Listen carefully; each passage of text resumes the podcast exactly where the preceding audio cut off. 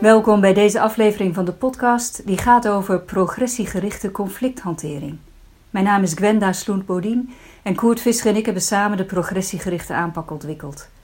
We geven trainingen in progressiegericht coachen en leiding geven en we trainen ook trainers die zelf progressiegericht willen trainen en coachen. In teams waar mensen zich niet veilig voelen, is het vaak moeilijk om elkaar feedback te geven of om eerlijk je mening ergens over te geven. Teamleden zijn bang voor negatieve reacties van hun collega's, waardoor ze zich stilhouden of hun mening liever uiten tegenover iemand anders dan het teamlid aan wie ze het eigenlijk zouden willen zeggen. En omdat het zo in de loop der tijd steeds moeilijker kan worden om open met elkaar te communiceren over dingen die niet goed lopen, stoppen teamleden soms helemaal met communiceren over het werk. En ze stoppen er dan ook mee om waarderend te praten over wat er wel goed loopt. Soms loopt de ergernis zo hoog op dat een collega op een voor anderen onverwacht moment opeens een cynische of boze opmerking plaatst. En de minnetjes die er dan gezegd worden, maar ook de minnetjes die onuitgesproken blijven, maar er wel zijn, leiden tot een visueuze cirkel. Het vertrouwen neemt af en de onveiligheid neemt toe. En dat is vaak het moment dat teams, al dan niet onder begeleiding van een externe coach, aan de slag moeten of willen met teamsamenwerking. En de bedoeling is dan vaak, impliciet of expliciet, dat mensen elkaar uiteindelijk weer wat aardiger gaan vinden. Maar teamleden kunnen vervolgens enorm opzien tegen dat soort sessies, want ze vrezen dat heikele onderwerpen op de agenda staan. Een teamlid zei een keer met onderdrukte tranen: Ik was vanochtend al om vier uur wakker van spanning wat er vandaag gaat gebeuren. Ik ben alleen maar bang voor alles wat er gezegd gaat worden. En een van de redenen waarom teamleden zo kunnen opzien tegen teamsessies die bedoeld zijn om het team verder te helpen, is dat ze ervan uitgaan dat het oud zeer boven tafel moet komen. En de aanname die ze dan hebben, is dat pas wanneer alles wat iedereen dwars zit gezegd en verwerkt is, ze het verleden achter zich kunnen laten.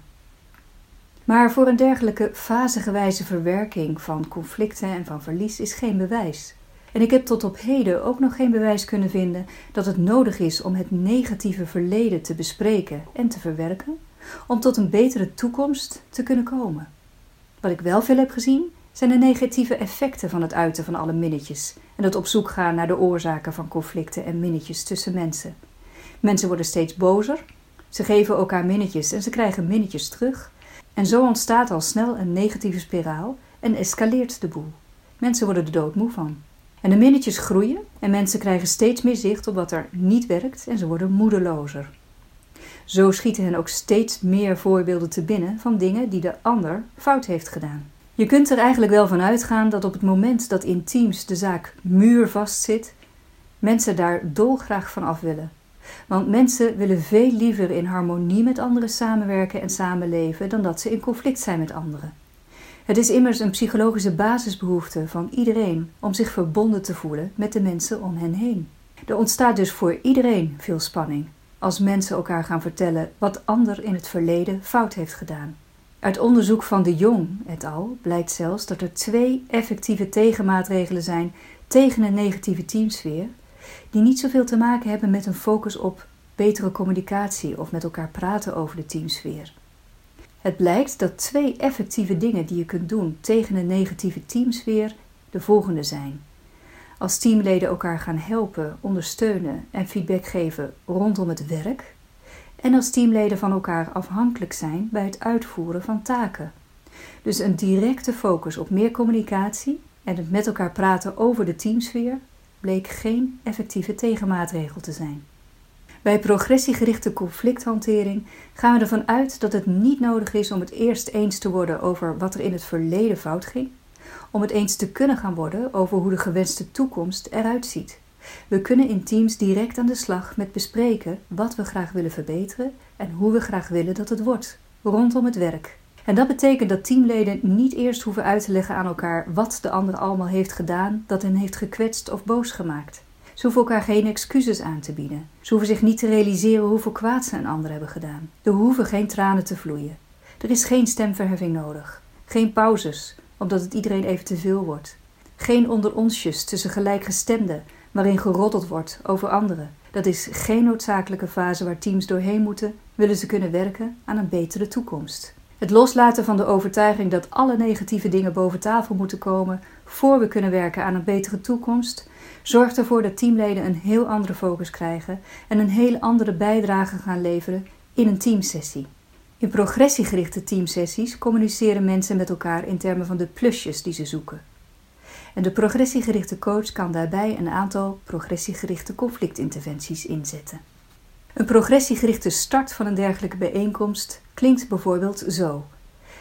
De progressiegerichte coach zegt tegen de teamleden: Bedankt voor jullie komst. Ik heb begrepen dat de dingen niet zo lopen zoals jullie graag zouden willen dat ze gaan lopen. En jullie hebben mij gevraagd om deze bijeenkomst te begeleiden, omdat jullie allemaal op je eigen manier last hebben van hoe de dingen nu lopen. Om ervoor te zorgen dat we het over de juiste onderwerpen blijven hebben vandaag, zou ik jullie graag voorafgaand even twee vragen willen stellen. Is dat oké? De eerste vraag is: wat zou er vandaag aan de orde moeten komen zodat deze bijeenkomst nuttig voor jullie is? En de tweede vraag is: waaraan zouden jullie na afloop merken dat deze bijeenkomst jullie iets heeft opgeleverd? Dit is een progressiegerichte start waarbij wordt gefocust op nut, gestuurd op nut voor de teamleden. En het werkt vaak goed als de progressiegerichte coach de teamleden even de tijd geeft om na te denken over deze twee vragen en hun antwoorden op te schrijven op post-its. Vervolgens kan de progressiegerichte conflictbegeleider mutualiseerinterventies gebruiken. Dat betekent dat hij goed luistert naar wat er voor alle deelnemers in het gesprek gezamenlijk belangrijk is. Heel vaak is het zo dat mensen met elkaar van mening verschillen over middelen, hoe iets aangepakt moet worden, maar dat de achterliggende doelen en principes wel door iedereen onderschreven worden. De progressiegerichte coach kan gebruik maken van zinnen die bijvoorbeeld starten met: Dus wat voor jullie allebei belangrijk is, is. Jullie zijn op zoek naar een goede manier om samen te bereiken dat. Dat mutualiseren hoor je ook al bij de nuttigheidsinterventie. Wat zou er vandaag aan de orde moeten komen zodat deze bijeenkomst nuttig voor jullie is? Waaraan zouden jullie na afloop merken dat deze bijeenkomst jullie iets heeft opgeleverd? Dit voorkomt het praten in termen van tegenpartijen. En je adresseert alle teamleden gezamenlijk. Ook maakt de progressiegerichte coach veel gebruik van ombuigen. Het ombuigen van minnetjes naar plusjes. Mensen zijn namelijk vaak geneigd om te praten in termen van wat ze niet willen dat de ander doet. En een progressiegerichte coach helpt ze via zijn vragen om te gaan verwoorden wat ze daarvoor in de plaats zouden willen. Dit is het proces van het zoeken naar de plus achter de min. Een teamlid uit een min en de progressiegerichte coach vraagt net zo lang door tot hij goed begrijpt wat de plus is die achter deze min schuilt. Een teamlid zegt bijvoorbeeld: ja, Jan is altijd te laat, ik word er gek van. En de progressiegerichte coach vraagt door en zegt: Begrijp ik het goed dat je graag zou willen dat Jan op tijd zou zijn? Dit is een omdraaiing, een reframing, waarbij de coach eigenlijk het plusje aanreikt.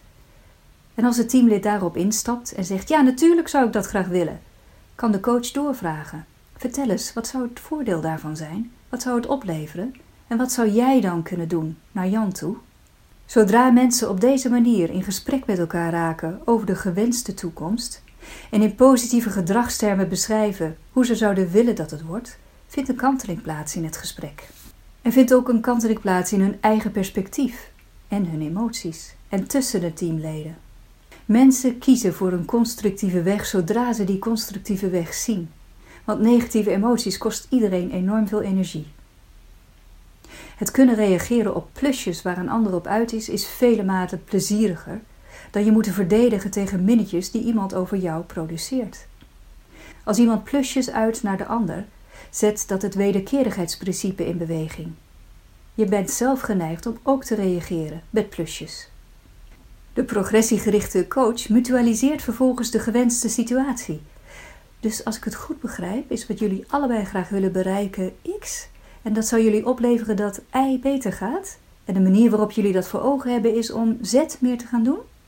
Als de teamleden hierop mandaat geven en instemmend reageren, kan de progressiegerichte coach de nuttigheidsinterventie ter afsluiting gebruiken. Is het nuttig geweest om hier zo met elkaar over te praten? Hoe zouden jullie hier misschien mee verder willen? Hoewel er natuurlijk nooit garanties zijn dat je ruziende partijen goed verder kunt helpen, is er vaak wel snel progressie mogelijk Als je mensen via die progressiegerichte vragen in de gelegenheid stelt om al hun constructieve bedoelingen te verwoorden, hun positieve intenties onder woorden te brengen. Meer lezen kan in onze boeken en meer leren kan in onze trainingen.